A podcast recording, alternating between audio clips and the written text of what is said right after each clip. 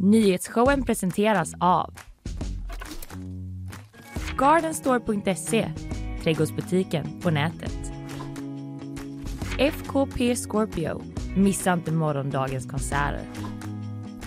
Art Portable, Sveriges marknadsplats för originalkonst.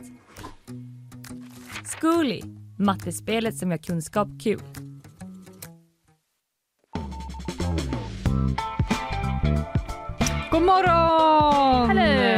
Lyssnar på nyhetsshowen live från GP-huset denna tisdag den 23 maj.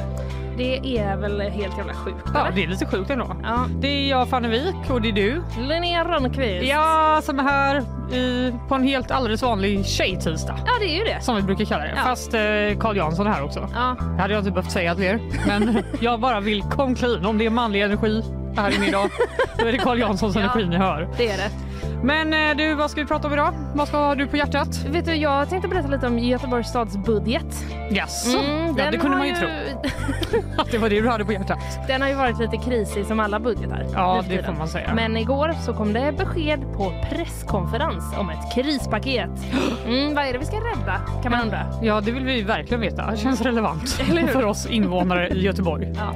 Eh, Jag ska prata om varför så många i Sverige är så arga på Lena Andersson. ja, Är barnen hungriga? Eller bara politikerna som pratar strunt? man undrar ju det. Ja, det ska vi reda ut eh, Ja. om en liten stund. Har du gjort en enkät med några barn på stan? Ja, hej. Är du hungrig? eh, nej, det har jag inte gjort, men det har säkert någon annan gjort dock. Sen blir det gäst. Ida Johansson, ekonomiredaktör här på GP, kommer och pratar om SBB, Samhällsbyggnadsbolaget. Mm. Ett företag som köper upp kommunala fastigheter och hyr ut dem igen till kommunen.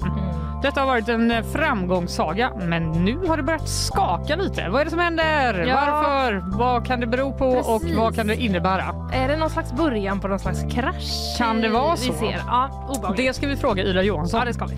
Och sen blir det bakvagn. Ja, Vad har du eh, luskat oj, fram? oj, oj. Du, jag har, eh, ska berätta lite om att AI har eh, tagit fram typ den perfekta kvinnan och mannen.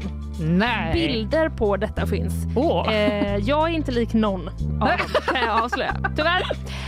Eh, och sen har vi fått ett nytt eh, världsminne. Unesco Åh. har utsett en svensk företeelse till eh, världsminne. Och du håller mig på... Eh, Ja, det gör jag faktiskt. Halster. Men jag kan avslöja att det är en av mina personliga favoriter. Gud vad spännande. Mm. Eh, jag tänkte prata lite om eh, kontroverserna kring den nya Lilla Sjöjungfrun-filmen som. Disney eh, håller på med. Den har inte ens haft premiär, Nej, men ändå har jag folk så- hört om den evighetslänge känns det som. Eller hur? Ja. ja, men det och lite annat. Vi får väl se. Det känns så himla långt kvar dit. Ja, det är det. Det är ju liksom en, en, timme. en evighet. Nej, stäng inte av. Det är bara en god timme ja, av annat snack. exakt. Men du, hur är läget då? Eh, det är bra. Ja. Jag, jag somnade i sol på min balkong igår, det var underbart. Vet du, varför är du inte bränd? Eh, för att jag kanske sov inte så länge. Eller så har jag bara jättebra pigment, jag vet inte. Ja, men det, får, det vet inte jag heller. Skryt, ja här är det ju inga 50 SPF i facet. Nej, Nej. men du kanske hade en liten keps. Eh, nej det hade jag faktiskt inte. Men, gud. Jag borde ha haft det. men var det skönt eller var det att du vaknade och bara Var är jag? Jag, var, jag vaknade ungefär tre gånger av att jag eh, trodde att jag höll på att glida av balkongen och ramla ner på marken. Va? Jättekonstigt. Ja, det var någon slags mardrömsinstick där tror jag. Finns det räcken på din balkong? Oh ja! ja Okej, Så det var vad ingen skönt. risk egentligen. Det var bara liksom en känsla av att det var så. Vad hemskt. Ja. Mm, men det gläder mig. eh, ja, hur mår du? Jag mår bra. Jag har ju varit i eh, Fjollträsk, Ja, det har du ja. Stockholm. Ja. Ja. Alltså, det är ju lätt att gå runt och Mhm. kaxa sig mot Stockholm va? när man är hemma i Göteborg. Men så varje gång man är där bara men gud, det här är ju en riktig stad. ja. Det finns typ jättemånga gator här. och kolla vad fina husen är. Så är det så, varför bor jag typ på en meter stor eh, yta? När det finns typ städer man kan gå kanske lite längre i. ja, det är sant. Det är Så jag sant, fick så men, lite så, vad har jag gjort med mitt liv? Jag fick typ en kris. men kan det vara lite hemmablindhet? Ja, alltså jag tror att det också är att jag typ går, jag promenerar ju väldigt mycket va? Ja. med min hund och så. Mm. Och då eh, efter ett tag så blir man liksom mätt. Mm. Så jag kanske måste flytta, alltså inom vår egen stad. Ja, det kanske, hur länge Kanske har du bott se. där du bor just nu? Inte så länge i och för sig, Nej. typ tre år kanske. Tre år kanske. Ja, men du har ändå bott i närheten av det innan. Jag flyttade ju kanske 700 meter. Exakt. Så, att jag tror det kan det ju vara mitt eget fel det här. Jag tror, kan det, det kanske är lite kvillkänsla? Ja, det börjar så, men eh, jag ska se till att... och Eh, vi, ska, vi får jobba på det här. vi återkommer.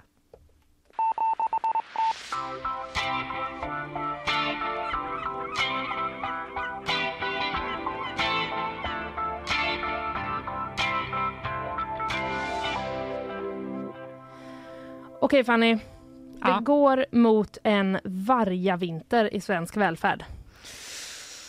Precis när man trodde det var sommar ute. Ja, precis. Då tittar vi mot vintern. Det sa eh, Jonas Attenius eh, på en pressträff igår. Socialdemokrat är ju han och eh, kommunstyrelsens ordförande i Göteborg. Eh, och det är de rödgröna som styr eh, här ju och de avslöjade på en pressträff då igår att de skjuter till 186 miljoner kronor i ett krispaket. Oj, det lå- låter ju jättemycket. Det gör ju det, men det är ju inte till dig och mig. Mm. Eh, rent direkt så. Det är inte våra budgets eh, vi snackar om. Nej. Men det, absolut, det är ju väldigt svårt att få grepp om. Är det mycket, är det lite? Ja, det är ju alltid så va? Mm, eh, men eh, så här, trots de här 186 miljonerna så väntar det ändå nedskärningar. Mhm. Mm. Men paketet ska då stoppa de mest akuta nedskärningarna. Så vi, vill liksom inte, vi behöver kommer inte behöva spara på allt som har varit liksom hotat utan vissa saker kommer eh, att eh, vara kvar. Och det pengarna ska gå till det Mm. är då eh, en hel rad olika grejer. Men jag tar några exempel. Mm. Eh, tänker jag. Utbildningsnämnden Mm. de har eh, ansvar för eh, de kommunala gymnasieskolorna. Mm. 35 miljoner kronor får de. Mhm. Mm. De har eh, liksom eh, riskerat då att behöva göra ganska kraftiga nedskärningar som motsvarar 80 tjänster. Oj! Det är ganska många tjänster. Men vad då vet man vilka tjänster? Nej. Nej, det är, det är också det är räknat i så här motsvarande så många tjänster. Liksom. Ja, så att det har inte varit Det är liksom... ett exempel på vad Ja. som skulle kunna ske. Precis, Mm. eh, men det finns väl en risk att det, det, det är just känslor, det, eller känslor. Att det är just Vi måste ta bort så mycket känslor Vi från måste ta skolan. bort 80 känslor. Man får inte vara hungrig, trött. Man får inte vara dum och lat. Det är ju jättebra för skolan här. Det är så otroligt många känslor. Jag kan inte ens komma på så många känslor att ta bort. Nej, det finns nog inte 80 känslor. Förvirring Ja. kanske är det en känsla. Ja. Eh, nej, sina känslor får de behålla. Ja, Eh, men eh, tjänsterna var i fara. Men nu är de inte i fara längre. Mhm. För att de då har fått de här 35 miljoner kronorna. Okej. Eh, I princip så fördelar vi bara ut till de behov som vi ser som akuta och då handlar det framförallt om, ba- om att barn och unga inte ska så, eh, få stå för priset, säger eh, Jonas Attelius. Mm, han vill prioritera kidsen. Det vill han prioritera. En annan eh, nämnd som får pengar är Stadsmiljönämnden. Mhm. 92 miljoner kronor får de. Okej. Känner du till den här nämnden? Nej. Vet du, det är inte så konstigt. För den är hyfsat sprillans ny. Oj, de Ja. börjar i en sån riktig nedförsbacke. Vi håller på att gå under! Bara. Vänta lite nu. Vi är helt nya. är helt nya. Ändå är det, vad är det som händer här? Ja, Mm. Nej men det är ju inte liksom en helt, eh, det är en, det är en sammanslagning kan man säga. Mhm. Trafikkontoret och Park och Natur Jaha! fanns ju tidigare. Ja, de känner jag till. Ja, exakt. Och nu heter de stadsmiljö... Nej, förlåt. Stadsmiljönämnden Stadsmiljönämnden. eh, handlar detta om då. Okej. Eh, och de har då hotats av nedskärningar på 130 miljoner. Ja. Mm. Några av de sakerna som var liksom i eh, farans riktning var indragen seniorrabatt i kollektivtrafiken, Nej, slopade cykelsatsningar, oj. sämre snöröjning. Jaha. Nej, va? Det känns som att det är lite svårt att bara... Ja, ni får stanna hemma nu när snön kommer. Ja precis, men du vet hur det är i ens eget eh, liksom eh, i ens egen privatekonomi. Det blir sämre liksom eh, livs... Man får dra in på grejerna bara. Ja, jo. Okej. Ja. Ja. sämre Här, för jag har ju personligen till exempel dragit in på ett kort i kollektivtrafiken och cyklar istället. Det är ju Ja, jättejobbigt. Det är Fast bra. det är ju både indragen kollektivtrafik och ökad cykelsatsning eh, i ett på ett personligt plan. Just det. Ja, eh, vi ska inte fastna i det. Jag bara, de kan eh, få lite tips av dig kanske. Nej, men de grejerna är det. Och eh, indragna toaletter i skärgården har också varit i faran. Mm, och serviceresor har varit eh, en utmaning att se hur man ska klara det. Alltså färdtjänst och skolskjuts och Men den biten. gud. Ja, 92 miljoner kronor får de alltså. Mm. Men det täcker ju inte det här hålet på 130 miljoner kronor. Nej. Någonting kommer de behöva göra för att få ekonomin i balans, men det är väldigt mycket av det som aviserats som man kan rädda nu, säger kommunalrådet Karin Pleijel. Okej, vi vet inte vem som åker på det. Det- Är det snöröjningen eller skolbussen? Eller? Nej, precis. Någonstans vi får, vi kommer får det se. synas. Det kommer behöva prioriteras. Liksom. Ja. Eh, och fler satsningar finns också i det här. Det är bland annat då 36 miljoner till socialnämnderna, Mm. 20 miljoner till aktiviteter för barn och unga på lov, helger och kvällar. Mhm. Barnen igen, återkommer här. Eh, men som vanligt i, inom politiken så finns det ju de som inte håller med. Jaså? Mm. Det är man ju oppositionen. Ja, det är ändå skönt. Eller hur? Vissa saker never change. Nej, det är beständigt. Mm. Eh, vi på GP idag har pratat med Axel Josefsson, moderat.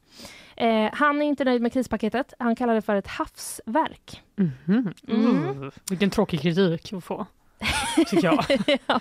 Ni är så bara slarviga. Ja, det är, ja, det är ju lite tråkigt att höra såklart. Mm. Han säger så här, nu handlar det om att säkerställa resurser till förskola och skola och det tycker inte jag att de lyckas med. Mhm. Mm. Han tycker man borde gjort mer där. Och han menar då också att de rödgröna inte lyckas liksom eh, prioritera Mm. och satsa på välfärdens kärna. Mhm. Och att det då eh, innebär en risk, som han ser det, att eh, det kan liksom bädda för skattehöjningar längre fram. ah, eftersom man vill inte han lyckas nej. prioritera. Nej, det vill ju inte han. Nej. Eh, precis, men generellt sett så kommer det ändå att bli nedskärningar. Vi räddar det som är mest prioriterat just nu, men i princip finns inga reserver kvar överhuvudtaget, säger Jonas Attenius. Det är ju ändå lite av en stress känner man. Eh, Ja, det blir man inte glad av att höra. nej, vad har vi då just nu i buffert Mm. enligt Jonas Attenius bedömning? Mm. 50 miljoner kronor. Oj, det lät väldigt lite. Visst, eller hur? I, Det, sa, I detta sammanhanget gjorde du det. ja men precis, det är det liksom, eh, om man ser Göteborgs stad som en person, Mm. så är det det vi har till typ så kanske bilen går sönder. Mm. Eh, Kylskåpet ja. Sådana grejer liksom. Eh, och det, ja, han menar precis som du, han kallar det för småpengar. Ja, Så att eh, det är ju inte så mycket. Det är inte återigen vår ekonomi vi pratar om här. Nej, utan, eh, Utan Göteborgs stad. stads ekonomi. Ja. Men usch då. Och han menar då att eh, för att kunna lösa det här, för att kommunerna ska kunna klara den här krisen, alltså fler kommuner, inte bara Göteborg, då Mm. tycker han att regeringen måste skjuta till pengar. Mm. Det är ett extremt tufft läge framåt och det krävs krisstöd från statens sida, säger han. Mm, och det sa ju de att det var inte riktigt aktuellt i Nej. den senaste budgeten här. Nej. ni, ni får klara er där ute i regionerna, sa de. Precis, så att eh, nu eh, ett, litet, ett, ett, kri, ett litet kan man kanske inte säga om 186 miljoner, men allt är ju relativt. Men ett krispaket, men allt eh, kan inte räddas. Så att nu är det liksom slut på sötebrödsdagarna i den här stan. Hur ska det gå i vinter? När snön kommer.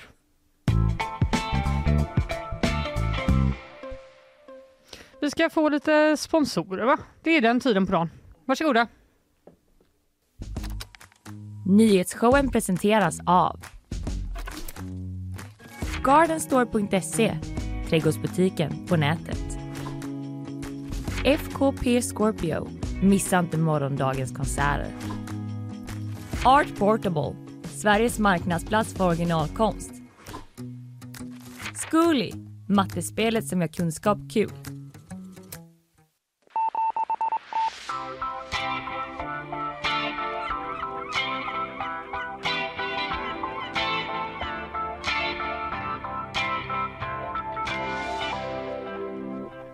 Kommer hon. Ja, Den underbara Isabella News Persson. God Det var morgon. länge sedan hon sa News Persson va? Ja, alldeles för länge sedan. Ja, det är, du har också haft vikarie så det är ju inte för att vi har liksom glömt bort det här det, utan är- nej, vi kommer fortsätta. det är Ja. inte en titel, Det, det är ett namn. det är ett namn ja.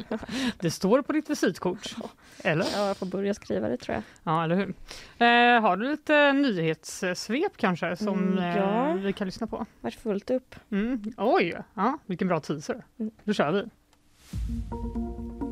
Den ryska motståndsgruppen Ryska fridslegionen påstår sig tillsammans med ryska volontärkåren ha tagit kontroll över den ryska byn Kosinka nära ukrainska gränsen.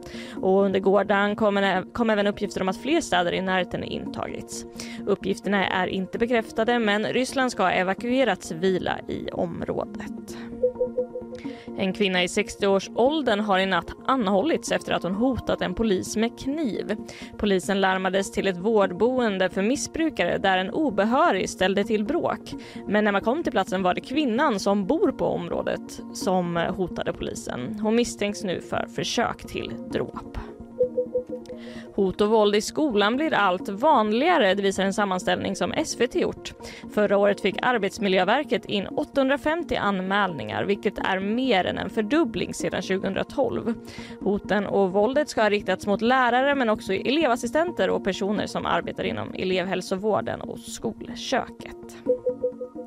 I söndags ska Valencia-fans ha sjungit rasistiska ramsor riktade mot Real Madrids Vinicius Junior.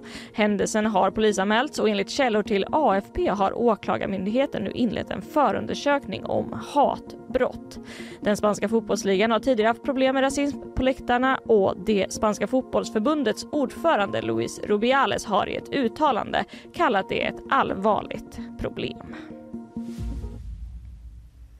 Men gud, hur utreder man det undrar man ju spontant. Ja. Det kan ju inte vara det enklaste. Nej, vad som har sagt så. De har ju mycket kameror och sånt ändå på matcherna. Det kanske går att Ja, jo det är de- klart. Men tänker typ spontant att det är ganska många Ja, som tittar på fotbollsmatchen. ja. Ja. Men det är ju all, allmänt ganska svårt tror jag för eh, polis och så att Ja, sätta fast personer på läktarna. det känns som det va? Mm. Ja, ja, vi kanske får ha någon, Hidden eh, in plain sight. Mm. Som man brukar säga. Mm. Vi kanske får ha anledning att återkomma till det, eh, låter det som. I spansk fotboll snart. Ja, Det var ett tag sedan va? Mm, det var det verkligen. Ja. Vi får se. Ja. Tack Isabella. tack.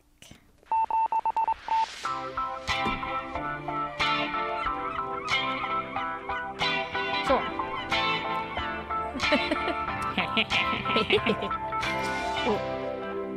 När man gör ett misstag och inte orkar rätta det utan bara skrattar eh, över mattan. Ja, men då tycker jag det är lika bra att köra på bara. Ja, Ja. det var det. Det var ju tur att det inte var någon hemlis du sa. Så här, när vi brukar snabbt berätta en hemlis mellan varje nyhet. Ja, det gör vi ju alltid. Ja. Ja. Eh, Ohållbar arbetssituation på många sätt. Men du, nu ska vi prata om eh, varför alla är arga på Lena Andersson. Ja! Självklart inte alla. Ge Vissa mig tycker hon har rätt. Men Mm. så här va, Lena Andersson, Mm. författare. Också eh, fristående ledarskribent på Svenska Dagbladet. Hon har liksom väckt lite reaktioner kan man minst sagt säga. Efter just en ledartext då i SvD häromdagen. Har du, du har sett rubrikerna kanske?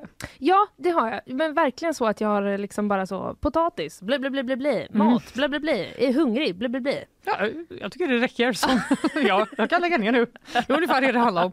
Nej, men det har liksom stormat från höger Mm. till vänster. Mm. Eh, en del tycker självklart att hon har rätt. Eh, ganska många tycker att hon har fel. Men som vanligt då i debatten så är det lite svårt att hänga med. Vad handlar det ens om? Vi måste kanske börja från början. Det tycker jag. För Lena Anderssons text då, den utgår från politikernas, eller då främst oppositionens språkbruk.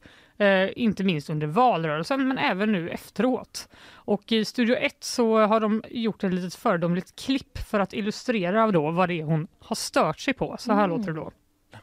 När vi har barn som går hungriga till skolan. Lärare skriver till mig och berättar att de har hungriga barn i klassrummet. Att sänka skatterna till dem med de absolut lägsta inkomsterna. Det är det som fyller kylskåpen. Det är det som ser till att föräldrar faktiskt kan skicka barnen utan att vara hungriga till skolan. Det ni sitter med nu det är ensamstående föräldrar som inte har möjlighet att sätta mat på bordet.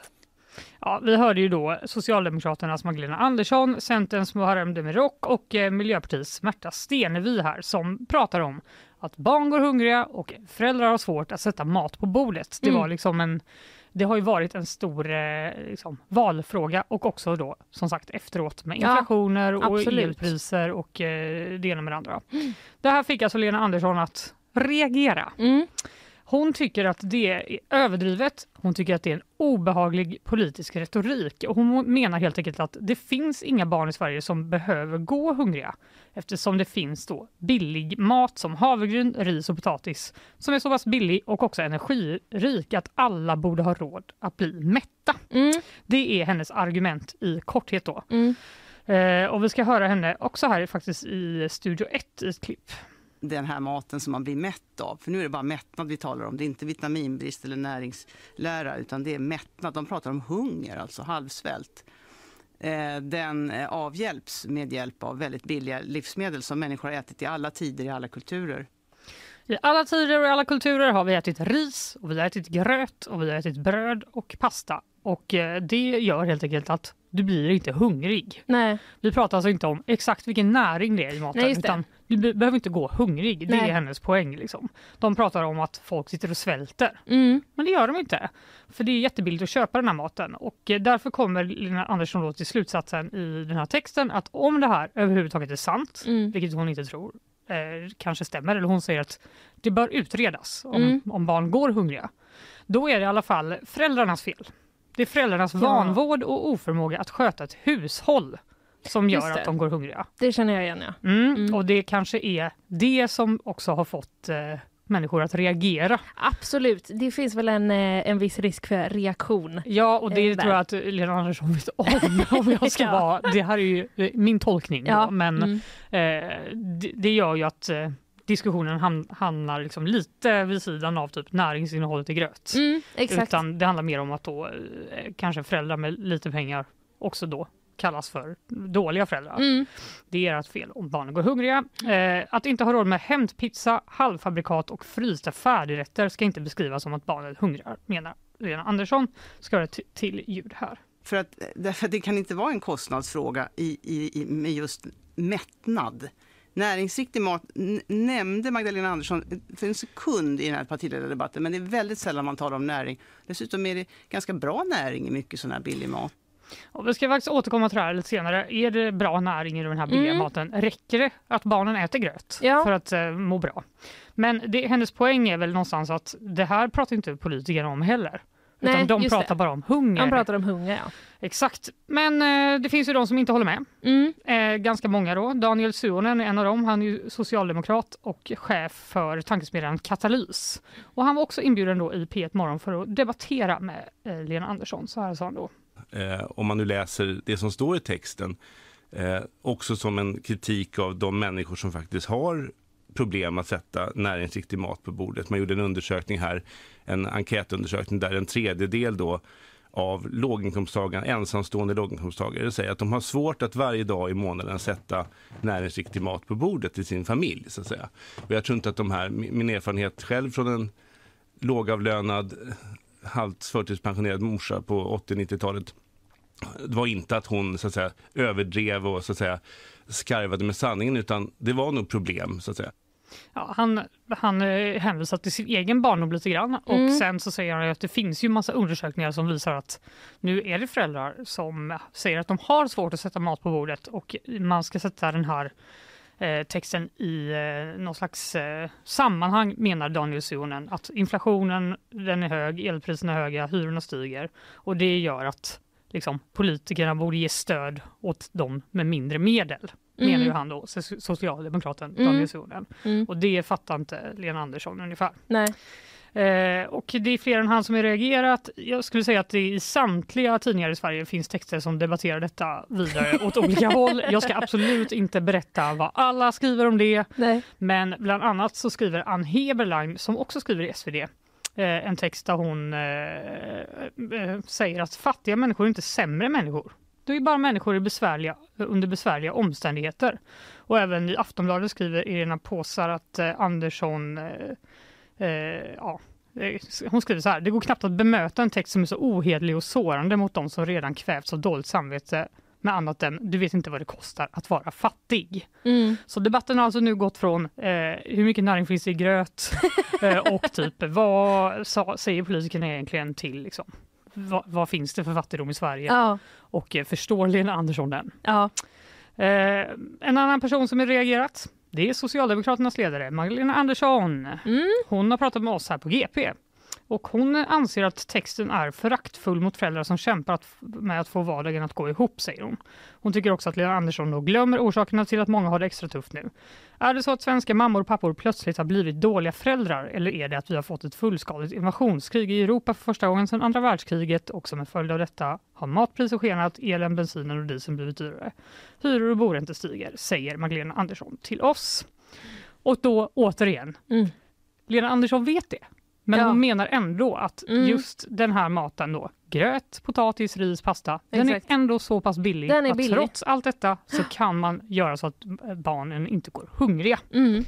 Men självklart har ju media inte bara då eh, haft olika åsikter åt olika håll. Även om de verkligen har det, det ska Ja. sägas. De har också eh, pratat med en eh, dietist i Sveriges Radio. Mm. Dietisten Lotta Moreus som har varit med och tagit fram då Livsmedelsverkets eh, näringsrekommendationer.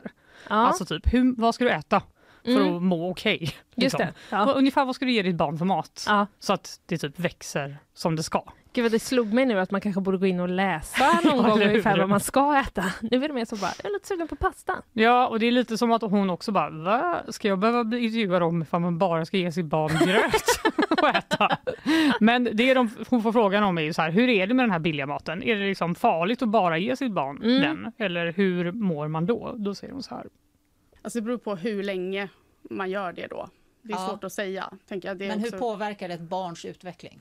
Ja, till slut så blir det ju att de inte växer lika bra som de ska göra. Att hjärnans utveckling inte fungerar. Men då har det ju gått väldigt lång tid. I Sverige har vi ju inte någon jättebred näringsbrist. Hon har inte märkt av någon jätte, något st- stort problem av det här i Sverige Nej. ännu, säger hon. Eh, och eh, om du bara äter pasta och gröt väldigt länge och inget annat, Mm. då kan det bli ett problem, typ att hjärnan inte kan utvecklas eller, och att du inte växer bokstavligt talat som du Mm. ska. Men, för du behöver då typ grönsaker, Mm. kanske lite fetter, Ja, olika fetter olika känns... mineraler Ja. som är bra för kroppen. Men för att då det ska hämma typ tillväxten så måste det här vara pågå under väldigt lång tid. Just det. Mm. Eh, Så goda nyheter Linnea, jag kan fortsätta min diet som är att jag bara äter pasta alla dagar i veckan. Kanske en grönsak till lite då och då. Jag kommer växa som jag ska. Du kan i alla fall göra det ett tag. Japp. Jag- så om jag börjar eh, krympa så jag vet säger ni. till om jag märker någon slags eh, hämning hos dig.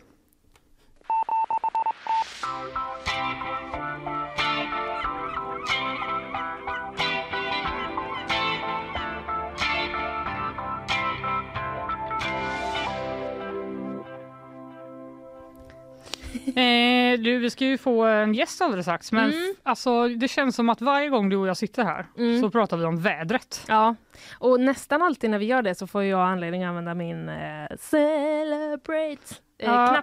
Eh, nu har jag inte eh, lokaliserat den och jag kan också säga att det beror lite på hur man är lagd. Det är inte lä... Ja, det beror självklart beror Ja. på hur man är lagd. Ja, men- inte att alla tycker om värme och sol. Jag förstår Nej. att för dig är det här väldigt tråkigt men Ja. det blir nu svalare väg- väder. Ja, det blir det. Efter värmechocken läser jag på GP. Mm. Nu kommer det. Det har varit rena rana, rama högsommaren i Göteborg men de kommande dagarna ser ut att återgå till mer normalt väder. Det säger SMHL till oss. Normalt väder. Jag skulle inte kalla det kallare väder men det är lite svalare luft på ingång. Ja, Jag vet inte, är typ i inte det sig. exakt samma? Är inte det kallare? What? Vet du vad, det tycker jag ändå att man eh, skulle kunna säga. Däremot, eh, ja, vi får väl se. Precis, det ser ut här. Nu gick jag bara in på SMH och smygtitta lite eftersom Mm. att man blir så sugen nu när det är... Eh, det är som att så fort det blir vår så blir man sugen på att kolla vädret. I november så kollar jag aldrig vädret. Nej men vad, vad, Bara what's the det. point? Ja, förmodligen lite Det är så. bara mörkt och regn ändå. Du, jag kan rapportera om vi vill ha lite dag för dag-siffror att Ja, eh, imorgon eh, ser det ut att bli 25 grader eh, sol och inget regn. Oj! Men sen, sen är vi på temperaturer mot eh, 18, 14, 16. Ja, så att, eh, det är ändå någon slags liksom att vi backar från det här Väldigt, väldigt varma. julikänslan. Ja, det står här att det har ju varit upp mot 25 grader och det är inte normalt för maj månad. Nej, Det har varit varmare för årstiden än normalt. Som det ser ut så blir det lite svalare kommande dagarna. Runt 20 grader säger då Emma Rosengren på SMHI. mm. Eh, och är- då jämför de med åren 1990 till 2020. Ja, just det. Men det är ju, för det har ju också snackats lite om att det kanske kommer bli en sån 2018 sommar Ja. igen. Och jag menar så Vad här... hände då? Det Nej, var då- torrt, det brann. Det var, ja, precis. Det var jättestora eh, skogsbränder uppe i Hälsingland. Just det. I det här orten som eh, väldigt få kunde uttala. Inte heller jag, men eh, eh, som folk sa, Kårböle. Känner du igen det? Nej. Korbele ska man tydligen säga. Är det sant? Ja. Vilken bra kuriosa. Ja, det är ganska bra. Men Ja. då var det ju, det året var det ju också en sån här jätte, jättevarm maj. Mhm. Och sen blev det bara aldrig Sen blev, torrt. fortsatte det bara vara jätte, jättevarmt och torka Ja. eh, och allt sånt där. Vi vet inte, men vi får väl, eh, vi får väl se. Mm. För min del så får det gärna regna lite. Kanske idag till och med. Lite grann Så skulle det kunna få regna faktiskt. Lite, lite fuktigt ut här ute. Mm. Ja. Bra analys av mig.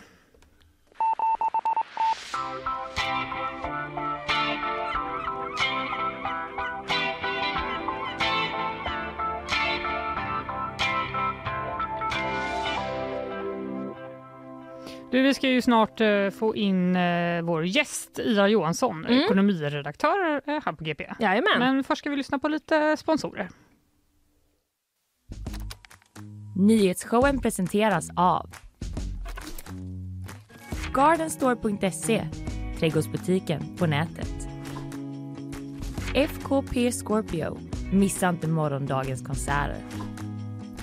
Art Portable, Sveriges marknadsplats för originalkonst. Zcooly, mattespelet som gör kunskap kul.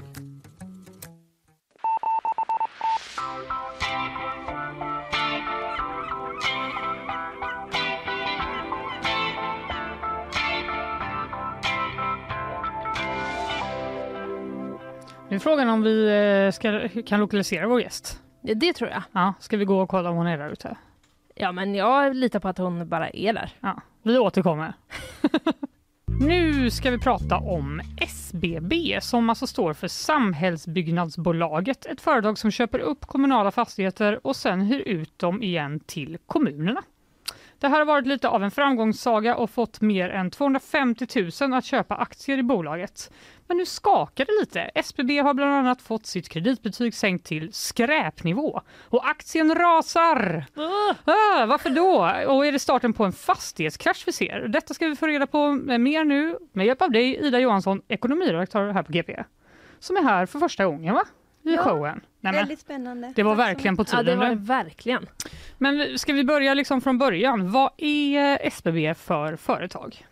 Eh, Det är ju ett fastighetsbolag Mm. med fokus på att äga så kallade samhällsfastigheter. Mm. Eh, Det vill säga polishus, eh, skolor, LSS-boenden runt om i hela landet. Väldigt många sådana fastigheter. De äger- lite bostäder också. Men ganska nytt bolag. Grundat 2016 och ändå har de eh, nu drygt, alltså fastigheter för 130 miljarder drygt. Så det är ändå bra Oh. jobb. Ja, det är mycket pengar. Ja, det lät, Ja. det lät väldigt mycket i alla fall. Men, men har det här, varför har det varit så framgångsrikt för dem? Jag tänker, varför vill så många kommuner sälja sina fastigheter? Och sen, för att sen hyra tillbaka dem? Ja, alltså. Det kan man väl ha två olika syner på vad man ska säga. Eh, det har ju varit en del kritik mot eh, detta. För att man då, eh, kommuner har ju inte så mycket pengar. Nej, Det det, har. Linnea berättat om innan idag. Nu är det kris i Det regionen. gan- det är ganska skönt att vad heter det, kunna sälja något polishus eller fängelse. Så får man in eh, lite pengar. Eh, och så, man hyr ju tillbaka. Så man, be- man betalar hyra då istället till SBB. Mm.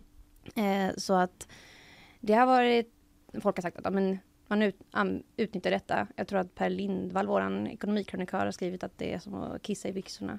Trevligt först, liksom, ganska kallt, jobbigt senare. Ja, Eh, ja, just det. Trevligt först. Men- Jag vet inte om jag kan s- skriva upp på det. Det är en men- varm. En, en lättnad för stunden då kanske? Ja, Ja, just det. Ja. Men sen så är det ju det många, eh, många företag och sådär som inte är i kris som hyr sina lokaler också. Liksom. Mm. Det kan ju vara att man tycker att det är mer praktiskt. På Mm. Men det är man att kan man vill, tidigare. man vill liksom få loss lite cash Ja, helt enkelt. Ja. exakt. Men är det här liksom en helt eh, okontroversiell sak att ha som affärsidé? Att köpa upp just kommunala fastigheter? Nej, det har ju funnits kritik mot det. Men det är ju också, eh, det är inte bara SBB som gör det, även om de har haft, eh, haft det som affärsidé. Eh, det har väl också varit viss diskussion kring att eh, Ilja Bataljan, eh, grundaren och VD eh, för SBB, han har själv varit eh, politiker, socialdemokratisk politiker och har då liksom varit först i, eh, först i kommuner och sen i eh, i det här statliga Riksbyggen. Ja. Mm. Så att han har ju väldigt många kontakter därifrån kan man väl säga. Liksom, Ah. ja, bra, bra öra mot kommunerna och vad de, vad de kanske vill ha och behöver. Och sådär. Så det har väl varit en diskussion också. Just det, om han har lite fördel av det då. Ja, ja men precis. Men det kanske inte är olagligt dock, utan det är någon Nej, så här exakt. etisk eh, Det är många fråga som då. använder kontakter för att göra. För att göra affärer, ja. Det har jag också hört. Ja, jag med, stämmer. Ja. Men du, eh, du nämnde ju det lite Fanny i, eh, i inledningen, men eh, det är två- 250 000 eh, personer som har köpt aktier ungefär någonstans runt där. Var det Ja, va? alltså det, det är över 200 000 ägare bara på eh, Avanza. Ah, så är okej. det en nätmäklare. Så det Mm. är ju, Mhm. eh, så det är Väldigt många i alla fall. Ja, det, det har varit en eh, och är en folkaktie. Ja, för det Eh, har setts då som, eh, som liksom stabilt och säkert att investera i. Ja, det är också en sanning med modifikation. Det har Mhm. sett som... eh, Det har varit hela tiden, skulle jag säga, att det har funnits en del röster om att det är hög belåning eh, och sådär.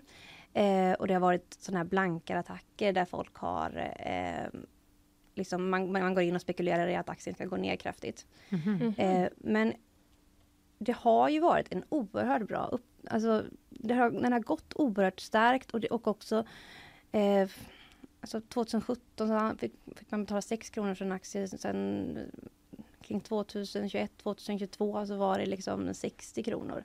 Så Mhm. man fattar hur trevligt det och plus utdelning. Och det Mm. har också varit, Ilja Bataljan har varit väldigt mycket så här att han har sagt saker som att ja, vi ska höja utdelningen i 100 år. Han har varit med i väldigt många sammanhang. Det har blivit så.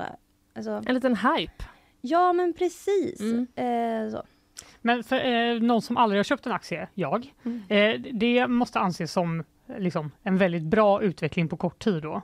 Alltså Ja. från 2016 till 2022. Definitivt. Det är så ovanligt eh, mycket. Och folk har ju också tänkt att, alltså jag tror att väldigt många småsparare och sådär eh, har tänkt att det har varit väldigt säkert. Att det nästan, alltså, hur osäkert kan det vara? Du liksom köper på dig fastigheter med, eh, med hyresgäster som inte kommer gå i konkurs. De kommer inte Mm. ställa in sina betalningar. De kommer heller inte flytta liksom. Det är, Nej, det är inte det. ofta Nej. så att man, när man liksom lämnar sitt kommunhus och flyttar någon annanstans eller liksom, och man, ja, och man kommer heller inte helt plötsligt bara inte kunna betala hyran liksom, för att du är Nej, just det. polisen. Ganska, ganska liksom långsiktiga hyresgäster. Precis. Tänker man att de är. Precis, Ja. och stabila också. De betalar liksom. Mm. Men ändå! Nu helt plötsligt så går det kanske inte så bra då. Nej. I alla fall, vad är det som händer? Alltså kort sagt, vad som händer är ju att räntan går upp. Mm. Eh, det har vi ju alla märkt som har bostadslån och sådär. Att, eh, att det är mycket, mycket dyrare att betala på sina lån. Mm. Eh, och det resulterar ju också i att eh, värdet på fastigheter går ner. Så att, vad ska vi säga, den här liksom, senaste stora krisen för SBB inleddes väl när de kom med sin, sin eh, kvartalsrapport i april som var då för, för januari till mars. Mm. Och då var det Företagen gått med stora liksom, miljardvinster och nu var det en förlust på 4 miljarder för det kvartalet. Då, liksom. Och en stor del av de förlusterna är ehm, att fastighetsvärde har gått ner. Ja. Eh, och då, då, då liksom drar det igång någon slags spiral av att okej, du har eh, låga fastighetsvärden, de, de går ner, då går din belåning upp. Mm. Eh, då, eh, då finns det sådana här kreditvärderingsinstitut. Mm. Standard Poor's, eh, Moody's. Standard Poor's då gick ut eh, efter den här kvartalsrapporten och sa så här att det här ser ju inte så bra ut med er belåning. Eh, nu får ni sänkt kreditbetyg. Mhm. Eh, Uh, och det var ju då den här skräpstaten. Ja, Ja. det blir väldigt svettigt. Ja. För att det eh, bestämmer till viss del vilken ränta du får. Eh, Ah, den kan bli ännu högre då om jag har ett dåligt sånt. Ja, Mm. eh, SBB har också lån där, det, som, där liksom räntan uttryckligen är eh, korrelerad med liksom vilket kreditbetyg de har. Mm. Så att de har räknat, räknat eh, ut eh, att, att det innebär liksom 200, nästan 300 miljoner extra i liksom ränteutgifter per Mm. år då, eh, på grund av detta. Och de Standard Poor's har också satt liksom negativa utsikter, det vill säga att man eh, eh, att det finns sannolikhet att man sänker kreditbetyget ytterligare liksom, Mm. eh, inom eh, ja, upp till ett år, sex månader, ett år. Liksom. Så att Men var det liksom en stor chock för människor då? Ja, Eh, Att eh, när den här lilla rapporten kom? Att de, va? Ja, men lite grann. Och framförallt det här kreditbetyget. Där trodde de ju till och med bolaget själva att, eh, att det kanske skulle bli bättre. Att de skulle ta bort den här negativa utsikter ifrån betyget.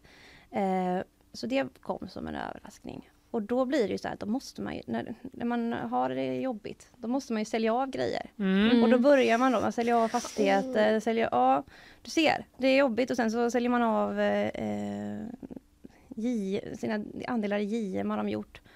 Eh, Vad är det? som- Vad är det? det är ett sånt byggbolag. Ah. Just det. Så de sålde av, av det och så gör man det lite grann halvt panik. Mm. Får man så, böter från Finansinspektionen för att man inte har liksom flaggat tillräckligt ordentligt. Och så. Alltså, man, Det, är, det känns som att det är lite av en spiral som man riskerar att hamna i, eller? Ja, det är en otrevlig spiral. Ja. Å andra sidan kan man säga att det var väl en ganska trevlig spiral förut. När, Ja, eh, det. När den gick uppåt. när, när den gick uppåt. Då kan man liksom, du köper fastigheter, Mm. du, eh, du ser att värdet går upp på dem, räntan är fortfarande låg, du kan belåna dig ännu, köpa fler fastigheter och så vidare. och så vidare. Mm. Man kan inte bara välja att åka åt ett håll Nej, i spiralen precis. utan eh, går, har man gett sig in i inte bara leken och så vidare. Mm. Men har det här någon likhet med, vi pratade ju om det här som hände med Silicon Valley Bank och det för några, någon månad sedan eller två är det väl nu. Då var det Mm. ju också liksom att det var någonting som gick åt skogen och sen bara uh, fortsatte det. Har det här någon likhet med det i övrigt eller är det, är det olika skeenden? Alltså det har ju likheten med det att det finns en verksamhet som har liksom fungerat väldigt bra och tagit eh, liksom haft förutsättningar under en lågräntemiljö liksom. Och Mm. sen så kommer ju, så har man ju då höjt räntan Mm. eh, väldigt eh, snabbt Mm. och mycket liksom. Även om det är låg räntenivå rent historiskt så är det en stor ökning. Eh, och det drar ju undan, ja, drar undan mattarna Mm. för, för verksamheter som har varit väldigt beroende av, av låg ränta. Mm. Borde de ha kunnat liksom förutse det här om vi går tillbaka till, titta bara på SBB?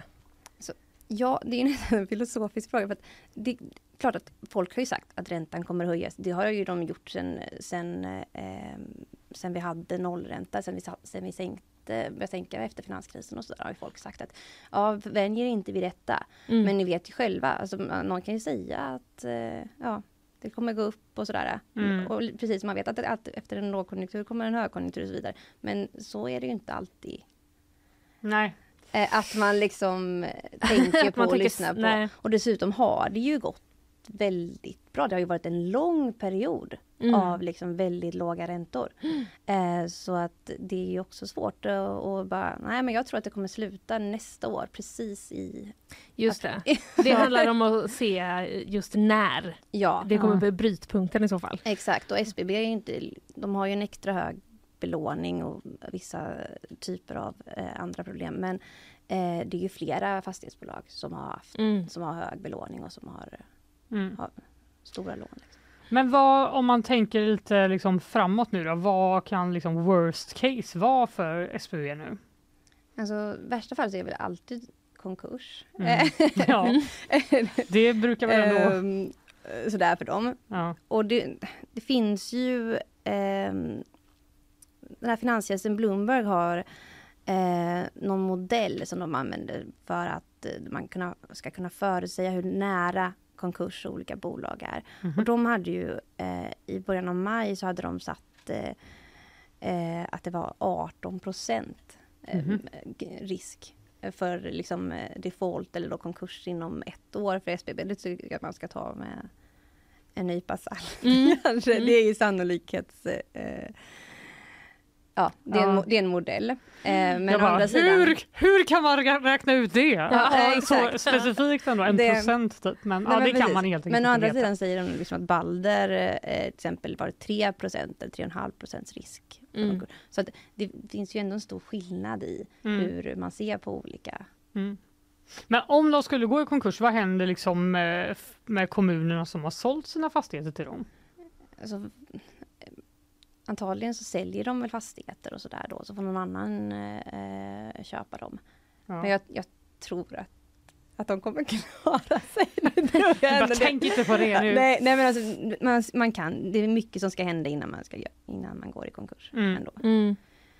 Men vad, hur, hur, hur har det blivit, jag tänker för alla de här eh, aktiespararna som då har köpt aktier i SBB? Har, de, har man kunnat se, eller vad, hur påverkar det dem? Aktierna Eh. har gått ner misstänker jag. Ja, alltså bara de senaste tre månaderna så är det ju ner nästan 70 procent. Oh. Eh, ja, det är inte, det är inte kul. Eh, och utdelningen är också inställd. Alltså Mm. den här aktieutdelningen man får då, oavsett hur aktien går. Eh, och sådär. Så att, och grejen att det gäller väl i all, ja, alla de större fastighetsbolagen har ju gått ner. På börsen. Mm. Inte lika mycket som så här, men de har ju gått ner. Mm. Så har man lagt sina pengar där så är man lite svettig nu då helt enkelt kanske. Man kan tänka sig. Ja. Eh, Men, men du, jag såg att Aftonbladets ekonomikommentator eh, Andreas Cervenka skrev på Twitter för någon vecka sedan att apropå krisen i SBB så är det viktigt att komma ihåg att vem som helst i teorin nu kan ta kontrollen över Sveriges polishus, skolor med mer. Kina, Saudi, Anonym fond i Bahamas, take your pick. Det är risken med att sätta offentligt ägda tillgångar i spel på finansmarknaden. Då hickar man ju till lite. Är det verkligen så? Alltså, rent teoretiskt så ja. De, är ju ett bolag och du, du kan köpa upp dem. Men sen så är det ju, jag menar vi hade väl ganska nyligen sa ju staten nej till ett kinesiskt bolag att köpa en hamn i Lysekil. Alltså, det finns ju, man, man har sådana regler, man kan säga man kan säga nej om det. Ja, på viss, vissa bolag. Jag vet inte om just polishus och skolor tillhör... Kina äger alla till- polishus. tillhör, tillhör de som man kan liksom eh, säga nej till att, folk ska köpa från statens sida. Liksom. Men Nej. Lite oklart helt enkelt. Ja, lite oklart. Ja. sen så kan man väl också säga så här att de har ju väldigt många fastigheter på väldigt små orter. Det är liksom så här polishus i Karlskoga, alltså Mm. någonting i Arboga. Så Det, det är kanske inte liksom de fastigheterna som kommer ha allra största värdet. Nej, liksom, det. Så jag vet inte riktigt vem... Vem som är där och lurkar. Det här vill ska vi köpa, polishuset i Karlskoga. Det blir ju väldigt teoretiskt allt det här eftersom Ja, det det, inte det liksom... blir det Ja, det väldigt. det blir. Men om vi liksom eh, lyfter blicken lite, man har ju sett den här eh, metaforen med kanariefågeln i kolgruvan liksom har varit uppe lite, eh, apropå det här med SBB, alltså att man hade liksom en kanariefågel i gruvor för att hålla koll på att, eh, ja, men att man inte skulle bli kolmonoxid eh, förgiftad och att det skulle då, eh, kanske det här skulle vara liksom ett första tecken på att nu håller det på att gå åt skogen. Vad kan man eh, säga där? Liksom? Kan man se SBB som den här kanariefågeln som helt plötsligt börjar få lite svårt att andas? Alltså på ett sätt så kan man väl det. Och då är det framförallt liksom den här, det här skiftet från en värld med låga räntor till en värld med höga räntor. Eh, relativt höga. Eh, för att på något vis så ser man ju då vilka bolag som inte som, alltså som, får, så, som får stora svårigheter med, det, med detta. Och eh, de här mekanismerna drabbar ju inte bara SBB utan man ser ju att ja, det gäller ju alla fastighetsbolag. Att det blir oerhört jobbigt när det du äger går ner i värde samtidigt som du, det du ska betala för att äga dem liksom går upp Mm. eh, i räntor. Då. Eh, och då finns det ju också andra led, det vill säga de som har lånat ut de här pengarna. Mm. Eh, banker av olika eh, slag. Eh, som ju då naturligtvis har pant i de här fastigheterna men det spelar ju mindre roll om, du då, om de då sjunker kraftigt i värde. Så då har du också liksom banker som kan eh, eh, teoretiskt råka illa ut. Eh, när de har stora fastighetsportföljer som de liksom som är värda mindre än det de har eh, ehm, Just det. betalat ut lån till, till långivaren. för. Då är vi i den här Mm. spiralen igen va? Ja, precis. Ja, exakt. Mm. Men det är inte läge liksom att ha någon panik än, eller? Eh, borde, borde vi ha det, jag och Fanny? Nej, jag, tyck, jag tycker nog inte att ni borde ha någon panik. Ni Nej. hade väl inga aktier i SBB heller? Då hade jag Nej. kanske haft lite Ja. panik. Vara så. Eh, men eh, nej. Nej. Nej. Varför ska man ha det? Man ska nej, alltid exakt. välja liksom Men det tar och vi när sitta det ner i kommer. båten. Ja, det är sant. Det är sant. Ja, det är, mycket, det är mycket att reda i det här. Det är svåra grejer. Mm. Vad glad jag är att du var här, Ida Johansson, ekonomiredaktör på GP och hjälpte oss lite. Känns som att vi kanske tyvärr då kommer ha åt, liksom, skäl att återkomma Ja, till SBB. Det är, Det inte, kan det det, bli. är inte slut här. Nej. Får vi se åt vilket håll eh, i spiralen de går helt enkelt. Precis, vad som helst kan hända. Jag sänka räntorna också. Ja, ja. exakt oh, herregud. Tack för att du kom hit Ida. Tack så mycket för att jag fick komma.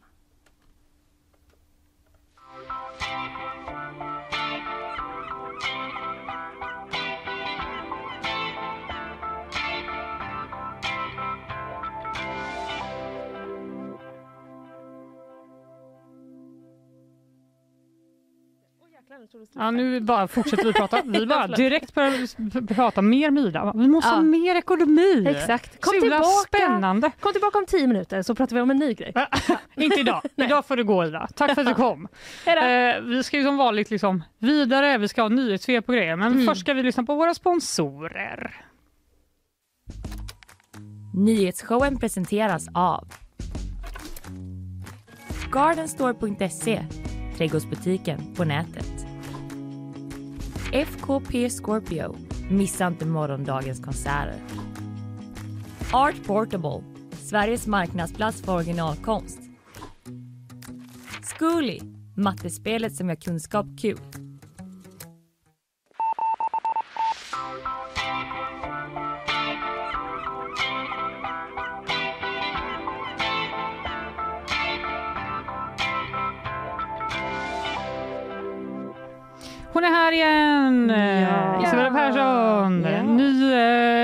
Kvinna på stolen. Den tredje stolen. Nygammal, kan man säga. Ja, har det hänt något nytt eller? Ja, Nej, men jag gud. har det faktiskt. Ja, men då vi kör vi väl. uppgifter från Ryssland. Asså, ja, det, det är bara, det är inget att vänta på. Den ryska regionen Belgorod som ligger nära ukrainska gränsen ska i natt ha utsatts för drönarattacker. Enligt CNN ska ingen person skadats och ingen har heller tagit på sig attackerna. Två ryska Putinfientliga grupper påstår sig igår ha tagit kontroll över den ryska byn Kosinka som ligger i regionen och under gårdagen kom även uppgifter om att fler städer i närheten intagits. En kvinna i 60-årsåldern har i natt anhållits efter att hon hotat en polis med kniv. Polisen larmades till ett vårdboende för missbrukare här i Göteborg där en obehörig ställde till bråk. Men när polisen kom till platsen var det kvinnan som bor på boendet som hotade polisen. Hon misstänks nu för försök till dråp. Skottlossningen i Askim som skedde förra veckan kopplas enligt uppgifter, till, eh, enligt uppgifter till GP till en intern gängkonflikt. Två män som båda tillhör nätverket G-falangen träffades av skotten. Men eh, tillhör G-falangen gör också den person som frihetsberövades som är misstänkt för inblandning. Den misstänkta släpptes igår på fri fot efter att åklagaren inte haft tillräckligt med bevisning för att häkta personen. Hot och våld i skolan blir allt vanligare, det visar en sammanställning som SVT gjort. Förra året fick Arbetsmiljöverket in 850 anmälningar vilket är mer än en fördubbling sedan 2012. Hoten och våldet ska riktas mot lärare men också elevassistenter och personer som arbetar inom elevhälsovården och skolköket.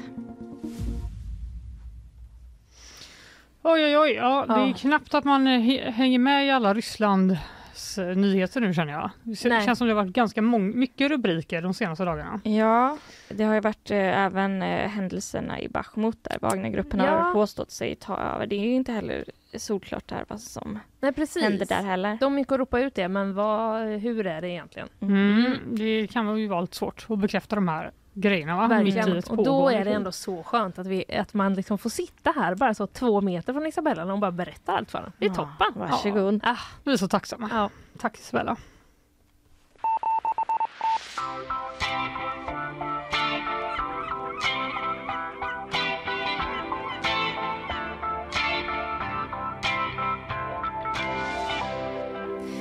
Hallå!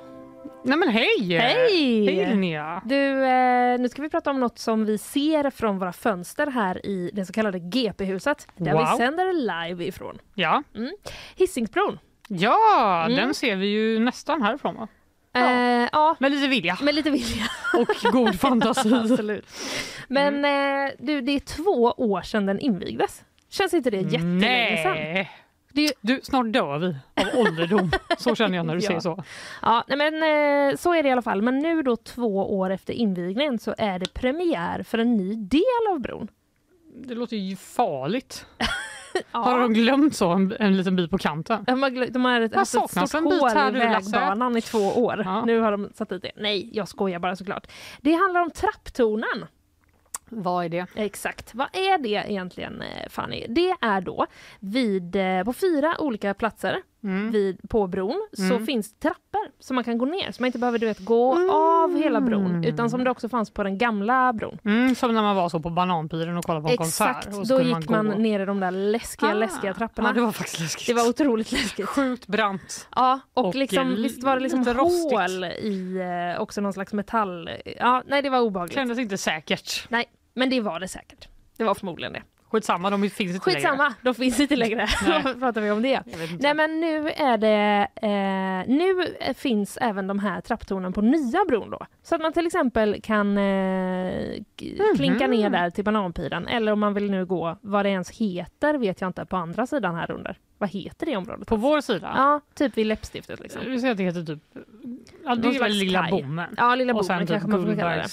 Vass. Ja men precis. Men så är det då i alla fall, så man slipper gå liksom längs med hela bron. Ska man kliva av och kliva ner eh, Mm. lite tidigare. Och då finns det både trappor Mm. och hiss. Jaha, Det vet jag inte om det fanns på den gamla bron det faktiskt. tror jag inte.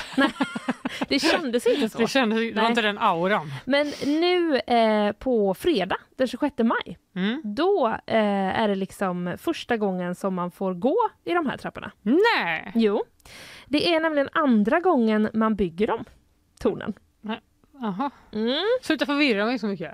Jag är redan så här trött av att vi pratar om aktier i en sekund. Ja, ja, Jag bara, de fanns och så fanns Så här, man byggde dem, de har varit med i planen liksom hela tiden. Ja. Att sådana ska vi ha på våran bro. Men hösten 2021 då, Mm. då började eh, trafikkontoret se sprickor Nej. i de här trapptornen. Nej, nej, nej. Vad är det där för en spricka? Tänkte någon. Den ska inte vara det här. Och eh, har den inte blivit lite större nu? Jo, Nej. det hade den. Så att då fick man eh, riva dem. Eh, tre av fyra torn fick man riva innan någon ens hade kunnat gå i dem eh, första gången. Men nu då, två år senare, så är eh, de alltså tillbaka och eh, klara och på fredag så kan då alltså vem som helst gå upp för de här trapporna eller eh, ta hissen. Men det känns lite suspekt att det bara var just i... Det är inte så att man har hittat sprickor i resten av bron. Nej, det har jag inte hört något Det var om. bara just i den trapp... Ja, men det var väl någonting i, det var liksom att gjutningarna hade blivit fel och Ja, att just det. armeringarna var felkonstruerade. Ja, det det var var- bra att någon observant såg det då. Verkligen. Men eh, någon hade kanske haft lite otur eller eh, så när man gjorde de här de första. ja. Det kan man, jag, jag relaterar hårt till det. Det kan man ju ha. Lite Man kan ju ha otur och eh, det, det sköna är väl ändå att eh, det har upptäckts. Ja, Så att vi inte behöver vara oroliga. Nu kan man ju då i alla fall tänka sig att de har kollat väldigt noga på de här nya. Det känns som det. Ja. Ska inte vi ta en liten promenad Jo, på fredag? Ska vi göra det? Stå lite skumt under, under brofästet och se skumma ut? Lära oss. Jag efterlyste ju nya delar att titta på i Göteborg. Ja, exakt. Här är nå- något jag aldrig har gjort. Nej, det gör vi absolut. Ah, känns lite gött faktiskt.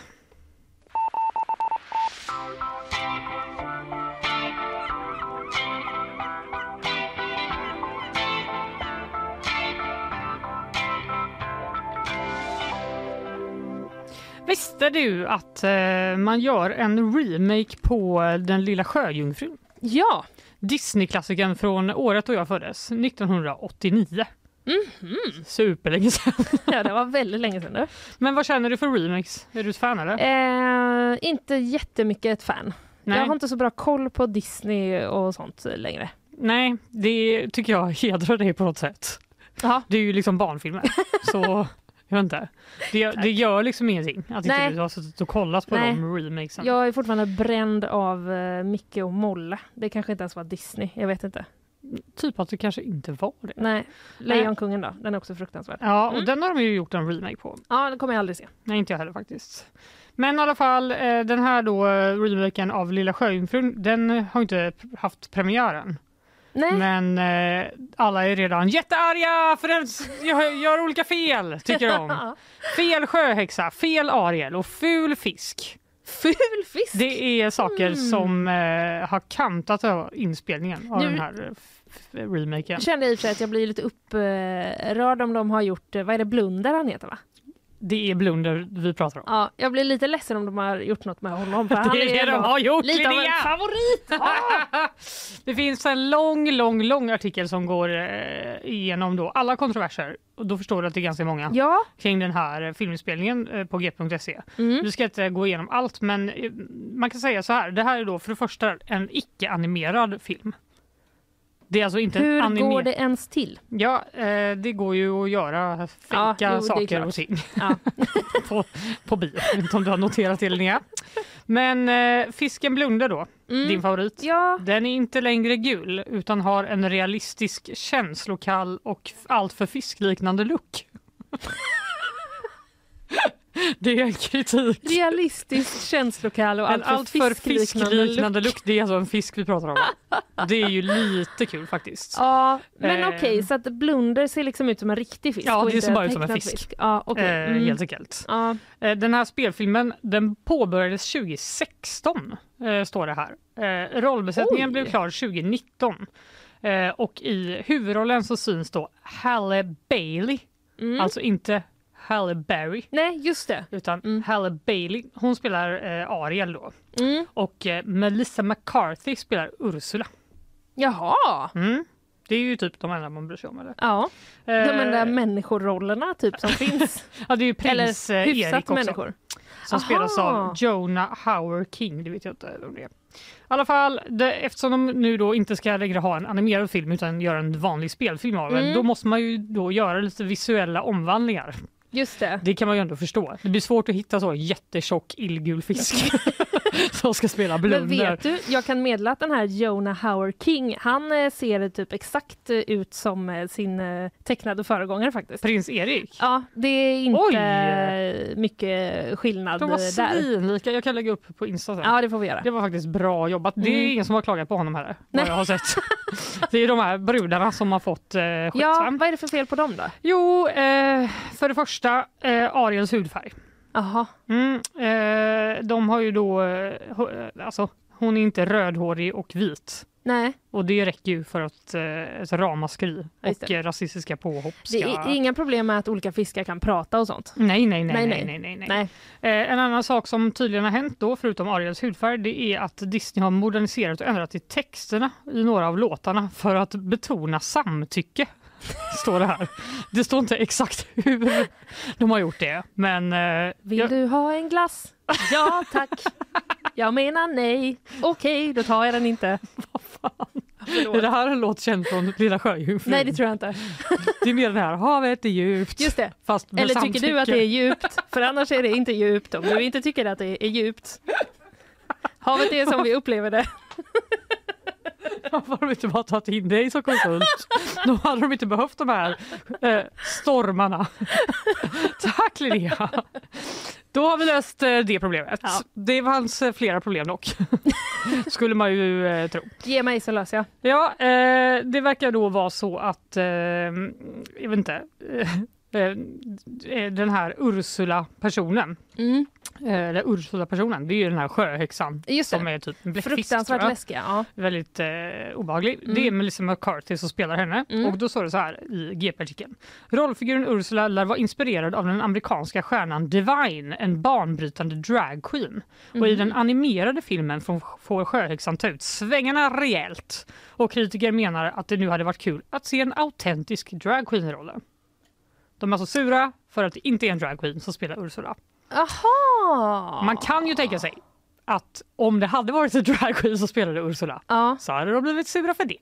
Eh, Det, det känns Bara- mycket möjligt. Jag vet inte, vis från att bo i Sverige just nu så tror jag att det skulle kunna vara så. Ja. Men det finns då grupper som menar att här har ju Disney kunnat inkludera hbtq-gruppen i sin... Mhm, Jaha, ja, ja, ja. Och det är de ju så dåliga på i vanliga fall, Ja. tycker man då, vissa Ja, mm. människor.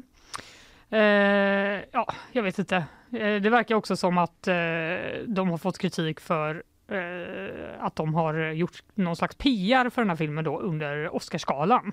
Mhm. Eh, Melissa McCarthy och Halle Bailey då, de hade gått upp på en scen för att intro- introducera en förhandstrailer och en reklampaus som kom att uppfattas som märkligt slätstruken då majoriteten i publiken väntade sig att duon skulle presentera nästa vinnare Och då blir de sura helt enkelt. Men ah, Ja, jag vet inte. Det känns som det är lite det så är här. mycket, det är, lite, liksom, det är lite för många grejer att vara sur över. Ja, och man, som vanligt så är det ju svårt att veta typ, exakt hur många som är sura. Ja, det är sant. Eftersom det, Det ska man finns ändå med sig. internet Mm. och folk bara skriver saker. Och man bara, det verkar som att alla är jättesura. Typ som innan när jag sa att alla är sura på Lena Andersson. Exakt. Det är givetvis inte så. Nej. Men vissa verkar vara det. Mm. Och det är ju de som hörs ofta. Ja, exakt. Och Mm. nu undrar man ju typ, kommer fler eller färre vilja se den här remaken efter det här eh, liksom, kontroverserna? Ja. Blir du sugen? Eh, Faktum är att jag blev lite sugen. Jag, jag blev mer sugen nu än vad jag var innan, men det var nog mer för att jag började tänka på det och insåg att jag är ju lite av ett Lilla Sjöjungfrun-fan. Aha! Jag är liksom inte... Är det den här musiken? Det är lite musiken, men jag gillar också eh, Triton, vad heter han? Triton. Ariels pappa. Ja. Mm. Mm. Och Blunder då. Mm. Krabban Sebastian. Alltså det väckte många liksom... Det väckte liksom Men eh, mycket för all i mig. fortsätt att rabbla alla roller i hela Lilla Sjöjungfrun. Vi har tid. Det är inga problem. Jag kan inget mer. Nej. Nå- någon slags vakt på slottet någonstans. Men vi kan ju börja, vi kan eh, se den här på fredag som tur är. Så vi kan ju Aha. börja med att gå en liten promenad i den här trappan på bron och sen kan vi gå till en bio och eh, kolla på den här filmen. Den släpps redan då alltså? Den har premiär den 26 maj. Vilken dag? Vilken underbar fredag. Det är också dagen efter löning. Ah, det blir bättre. wow! Ja, vi återkommer med en eh, recension och kanske eventuellt mer sång. Ja.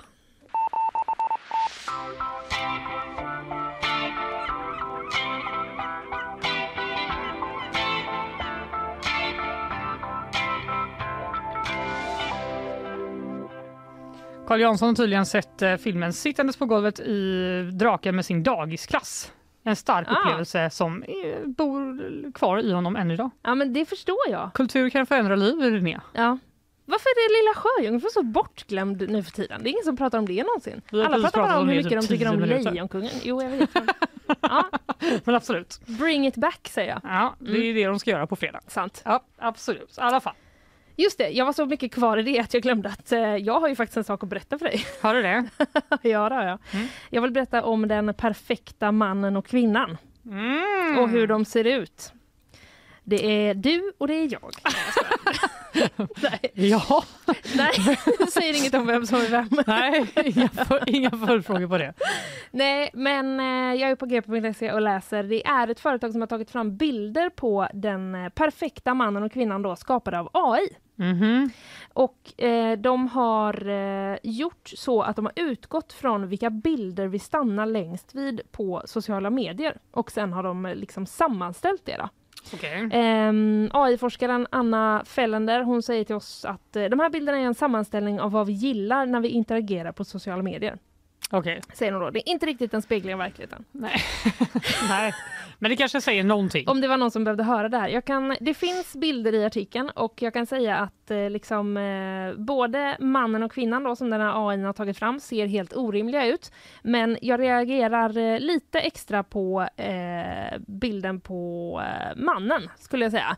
Det är eh, nästan ingenting mer än muskler och eh, hud som sitter otroligt liksom... Eh, det, ser ut som, det ser ut som att någon har liksom vakuumförpackat hans eh, muskler typ. Jag kan säga att det där är så långt ifrån mitt ideal för en man som man kan komma. Ja. Det var bland det sjukaste. Alltså kan någon bara Det ser- hälla det- klorin i mina ögon med en gång? Jag kan liksom, aldrig unsee this. nej, det ser ut som att huden ska spricka när som helst. Åh, herregud. Liksom. Också stackars alla män, är det där de tror att man ska liksom behöva leva upp till? Ja, och käkbenen, de är liksom helt... de är liksom, det, är, eh, det ser ut som att han har varit hungrig ganska mycket. Ja, han har I ansiktet. ihop riktigt mycket Ja. när han har gått genom en sån piskande eh, vind i öknen. Ja, precis. Eh, det finns även en till bild på mannen som jag visar dig här nu.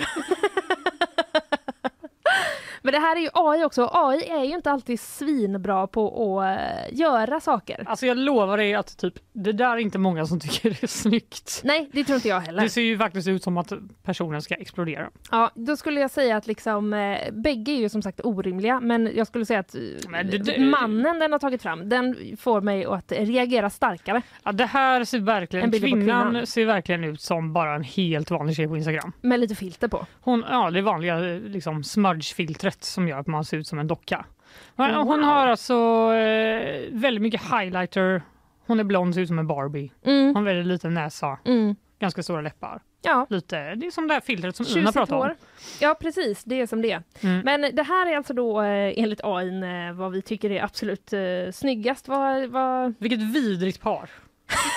Alltså du, ja, de kan verkligen. fan ha varandra. Men vet du vad jag tror? Jag tror att det skulle vara i så fall ett par som bara är ihop för att det gynnar dem utåt. Ja, Och så är de jätte, jätte olyckliga eh, tillsammans. Vad tror du att de gillar att göra Linnea? Eh, vara dem. ifrån varandra.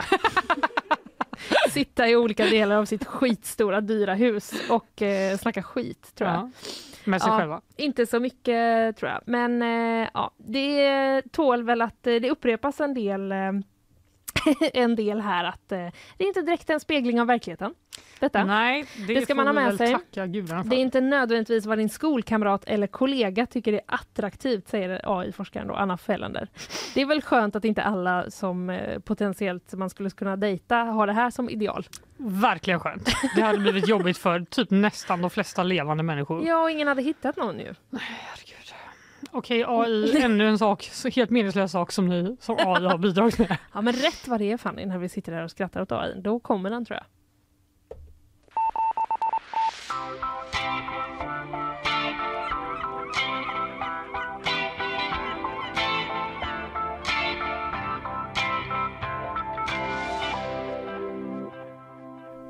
Oj då, ljudet försvann för dig.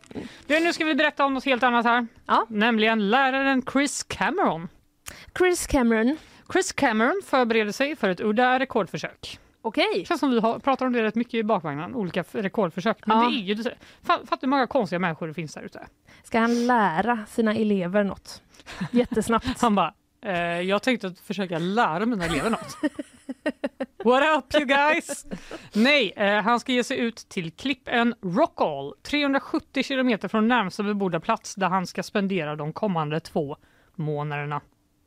Uh, Mm. Eh, Det finns eh, en bild här. Det ser ut som faktiskt AI har gjort den här eh, Oj! ön genom att man har skrivit in så. Gör en jätteogäst välkomlig plats på jorden. Och då har Precis. den här ön dykt upp. det är i princip bara som en, som en stor klippbumling Ja, som eh, sträcker sig upp i havet. det är verkligen inte mysigt på något sätt. Nej, det ser kargt ut och eh, inte så mycket platta ställen att vara på heller. Nej, precis. Det finns då ett rekord Mhm. redan idag. Det är lantmätare eh, från Ratho i närheten av Edinburgh eh, som eh, 2014 klarade av 45 dagar på Rockall. eh, Varför, hur kan det här inte vara första gången någon försöker åka dit därför och människor har för mycket tid. Va, vad gör de? Har han tagit, li- har han tagit liksom 60 semesterdagar då? Eller? Ja, det antar jag. Han kanske var arbetslös Har de så mycket semester i? I England. Ja, Det kan jag inte uttala mig om. för i så fall goodbye. Skojar, men såklart. Jag inte kommer att flytta dit. Nej, det tycker jag inte. Nej. Eh, han hade klar, satsat på att klara 60 dagar i Mm. Atlanten men tvingades avbryta försöket efter att ha förlorat flera ran- dagars ransoner av mat i en storm. Så det blir svårt då. Det låter ju helt fruktansvärt det här. Ja, Chris Camerons mål då är först och främst att slå rekordet, men Mm. förhoppningen är att klara 60 dagar på Klippön eh, enligt The Guardian. Han, eh, den här ön då annekterades av Storbritannien 1955 och flera gånger har konflikter utbrutit mellan britterna och irländarna angående vilket land som har rätt att fiska i det här området. Mhm. Eh, Rockall ligger 370 kilometer från närmsta permanenta bebodda platsen och har en höjd på 17 meter och är 31 meter lång. Men när Chris Cameron då genomför sitt rekordförsök så kommer han inte att vandra fritt. Istället kommer han att spendera sina månader på, på en klippavsats med en längd på ungefär 4 meter och en bredd på ungefär en och en halv meter. Mår man riktigt dåligt när man tänker på det. Visst, jag, Det är som må, det här bordet typ. jag skulle må dåligt efter eh, två minuter. Ja, det skulle jag med. Ja. Särskilt med vetskapen om att det var 60 dagar kvar. bara, nu är det bara 59 dagar. Nej, men vad är poängen? Jo, då ska jag berätta vad poängen Ja. är. Det är att dra in pengar till välgörenhet. Mhm. Till The Guardian så säger den här Chris Cameron att han har fascinerats av ön sedan 1985 då Tom McLean som tidigare arbetat för det brittiska flygvapnet klarade 40 dagar på ön Men många, och olika, satte det första rekordet. hur många olika män är det som har åkt till den här klippan? Alltså det skulle varit en sån AI-man för då tror jag det hade gått helt okej. Det hade blivit nästan Tarzan. Verkligen. Ja. Det är en hel, helt enkelt en fantastisk plats, Storbritanniens mest avlägsna. Säger Chris Cameron till The Guardian. Hmm. Eh, och den, ny, den nuvarande rekordinnehavaren då, Nick Hancock, han säger till tidningen att han skulle känna en viss besvikelse om Cameron slår rekordet. Jag har alltid vetat att det kommer eh, eh, slås någon gång, men jag hoppas att det ska hålla mer än ett årtionde. Men om Cam slår det så är det bra jobbat. Just det, rekord i att sitta på klippa. Ja, Det är alltså, det. I typ lite regn. I- är det så jävla regn. svårt?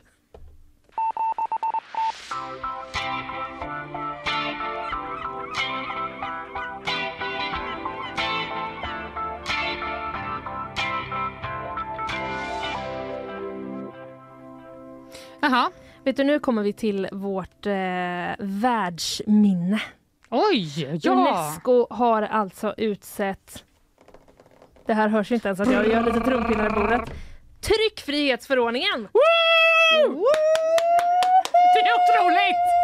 Wow! Ja, visst är det det? Nu önskar jag hade. Eller hur? Eller hur? Times, come on! tycker ändå att det är eh, liksom eh, något att fira. Kanske att vi är lite påverkade eftersom vi är journalister du och jag också. Mer än, lite jag mer tror att det här var den man. vanliga, vanliga reaktionen när folk läser Ja, den här nyheten. Det kan ha varit så. Mm. Men den är den första av sitt slag i världen. Faktiskt. Det är Jag är på otroligt. DN och läser. Det är alltså den svenska tryckfrihetsförordningen då från vill du, eh, nej du behöver inte gissa Nej, den är ifrån. nej. Den är från 1766. Okej, jag tänkte gissa på typ 1600 något. Så Ja, det var ju typ Men 100 år fel. det är, alltså det är ändå det är otroligt. väldigt länge sedan. Det är den första i världen. Och vi är så duktiga. Det är något vi liksom inte uppmärksammar tillräckligt ofta. Borde inte den ha en dag? Det, ja, nu den ska det bli 100% världsminne. en dag Linnea. Ja, det blir... Eh, ja, det är klart den har. Herregud, vad dum jag är. Ja, men det blir i alla fall Sveriges åttonde världsminne. Gud vad kul. Ja, och det är eh, ett världsminne då. Det motsvarar Unescos lite mer välkända lista för världsarv. Mm. Men istället för platser och byggnader så rör det sig om dokument och arkiv. Jaha. Dokument och arkiv. Vad, det är svårt att få det hett faktiskt. Nej, men, men det, det här är ändå ett hett exempel. dokument. Mm. Mm. Eh, jag är på eh, Dagens Nyheter och eh, läser eh, Svenska Unesco-rådets generalsekreterare Mm. Anna-Karin Johansson säger så här.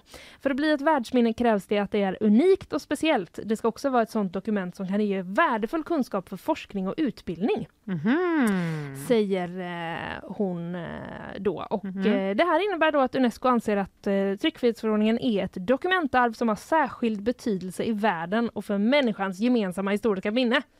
Mm. Mys. Det var väl inte så dumt va? Nej, det var det verkligen inte. Nej.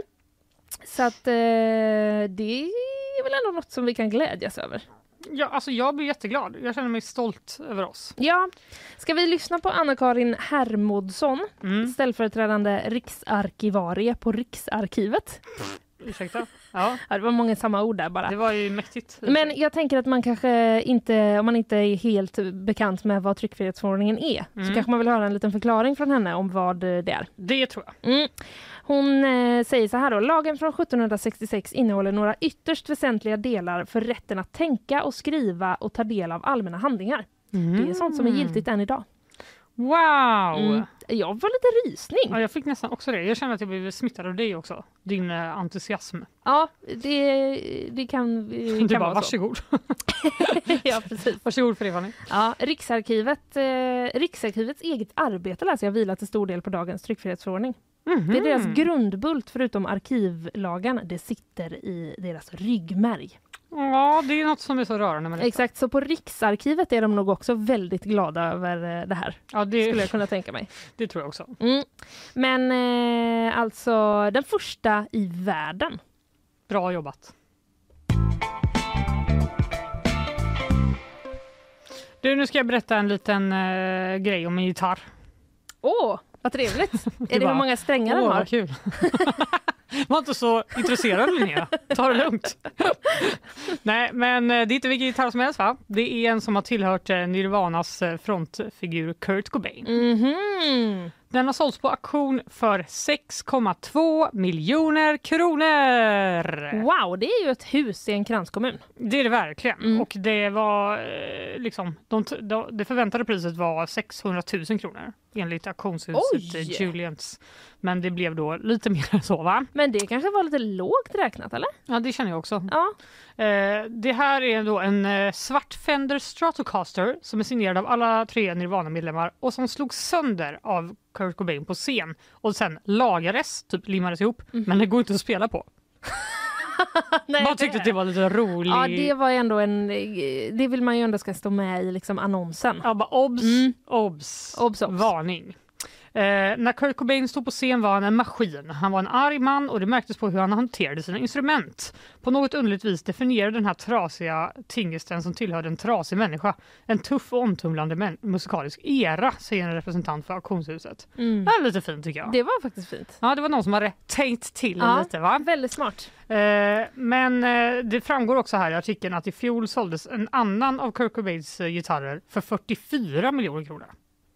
Jaha, vad var det liksom- Den, var den hel då kanske eller? Ja, Gick att spela vet, på? Det står faktiskt det, men vi kan ju ändå hoppas det på något sätt. Eller så var den ännu trasigare. Det skulle ju kunna vara att det gick Det var hans det hållet blod också. och spott på. Typ. Ja, precis. Nej, men det var, eh, nu hittade jag faktiskt det här. Mm. Det var eh, gitarren han spelade på i Smells Like Teen Spirit. Mhm. I den musikvideon. Ja, okej. Den klubbades för 44 miljoner och den hade också 600 000 dollar i och för sig. Ja. Som utgångspris. Så det var också väldigt mycket Mm. mer. Eh, det var en Jim Isray, vd för, för Indianapolis Colts i den amerikanska fotbollsligan NFL Aha, som köpte den. jag kände det, jag bara, är det någon ledare för en kult som köpte den? Det var en ledare för en kult i Indianapolis som köpte den. Nej, men han säger att han är stolt att eh, skydda och bevara en del av amerikansk kultur. Mm. Det, var, ja, det är väldigt hö- högtravande allt. Ja, har du köpt något sånt någonsin någon gång? Som Nej. så, har ägts av någon kändis? Det har jag inte. Nej. Men det är nog bara för att jag tror att man gör det om man har extremt mycket pengar. Man måste upp i en viss nivå. Ja, när man är så här, jag, vad ska jag, jag kan inte göra av alla pengar jag har. Nej. Och det är en känsla jag aldrig haft. så, Inte jag heller. jag nej. säga. har du någonting? Nej, det har jag inte. vad men- skulle få dig att lägga ett Nej, litet bud? Jag skulle inte kunna lägga ett bud för det, skulle bli så dyrt. Men det, det kanske öppnar för en marknad med mindre märkvärdiga kändisägda saker. Det känns som att det hade varit lite roligare. Typ att sätt. man skulle kunna köpa så eh, Tess Merkels förra mobilskal. Att det skulle vara något som folk kunde ha råd med typ. Vad händer i din hjärna ibland? Nej men jag bara... Alltså, jag undrar verkligen det. Hur kan det vara liksom top of mind för dig? När jag bara, skulle du vilja köpa något? Jag Jag börjar tänker bara direkt på vad som skulle vara- Beatles, olika... Alltså jo men det direkt skulle man ju liksom- aldrig ha råd med. Nej, givetvis Så jag inte. tänk, men jag tänker att det här kanske man skulle kunna ha råd med. Det skulle kunna ha utropspris på 30 spänn kanske? Ja, det tyckte jag var dyrt. Tess Merkels förra mobilskal. Underskatta inte hennes gärning. Eh, Jag ska gå genast eh, bege mig ut på internet och leta reda på en sån till dig. Men eh, nu tror jag verkligen att vi ska avsluta. No offense Linnea. Även om du eh, spitballade så bra. Vad har vi ens pratat om idag? Vad pratar du om? Du, jag har pratat om Göteborgs ekonomi. Just Kommunen, ett spar, eh, inte ett sparpaket utan krispaket. Ett krispaket. Mer pengar har skjutits till eh, från eh, Göteborgs politiker. Ja. Berättade vi, de berättade om ska jag säga, på en presskonferens igår. 186 miljoner om jag inte har helt fel. Man Nej. blir ju svettig när man slänger ur sig en siffra. Så att jo, det kan jag bekräfta. 186 miljoner i krispaket. Mm. Mm. Japp, och jag pratade ju om varför så många blev arga på Lena Andersson när hon hävdade att om barnen går hungriga så är det föräldrarnas fel. Ja. Barn behöver inte gå hungriga i Sverige för eh, det finns massa billig mat. Mm. Och sen var det en, det ena med det tredje där. Det var en lång debatt som ni kan lyssna på igen om ni orkar Det var en väldigt stark sammanfattning. Ja, tack så mycket. Sen hade vi en gäst, det var Ida Johansson, ekonomiredaktör här på GP. Hon pratade ju om SBB, Samhällsbyggnadsbolaget, ett företag som köper upp kommunala fastigheter och säljer dem tillbaka till kommunen. Nu skakar det. Mm. Det har gått så bra, så bra, så bra. Spiralen bara spikrakt uppåt helt plötsligt. Nej. Ja, nu går det inte lika neråt. glada dagar längre. Ja, nu var det inga glada dagar och vad kan det innebära? Det redde vi ju ut med Ida Johansson. Mm. Sen var det bakvagn. Ja, Ja. det, det var lite ditten och datten. Ditten och datten. Lite sång från dig. Ja, det Lite- råkade bli det. Ja, det, det, jag är glad för det. Det är det jag, jag tar med mig det in i den här tisdagen. Bra. Eh, ja, det var väl det du. Ja. Eh, researcher idag, det var Emily Hagbard. Mm. Producent, det var Carl Jansson. Isabella Persson, hon gav oss ett nyhetssvep. Och så Exakt. var ju du och jag här. Det var vi. Linnea och, eh, Rönnqvist. Ja, och Fanny Wijk. Ja, det är vi. Glöm inte heller att lyssna, att man kan lyssna på podden. Det kan man säga. verkligen. Man kan göra det och så kan man också följa oss på eh, sitt, eh, sin lilla plattform där man lyssnar. Spotify, Mhm. podcaster, andra plattformar. Då får man en liten notis när avsnittet är ute också. Så är det. Man kan också följa oss på Instagram för nu kommer vi lägga Ja. upp väldigt många bilder på obscena män det är som en så, AI har skapat. Ja, det är så mycket vi behöver lägga ut. Om man nu skulle vilja se det. och andra saker. Ja. Äh, nu slutar vi Ja, nu, får, nu skärper vi oss bara. Hej då!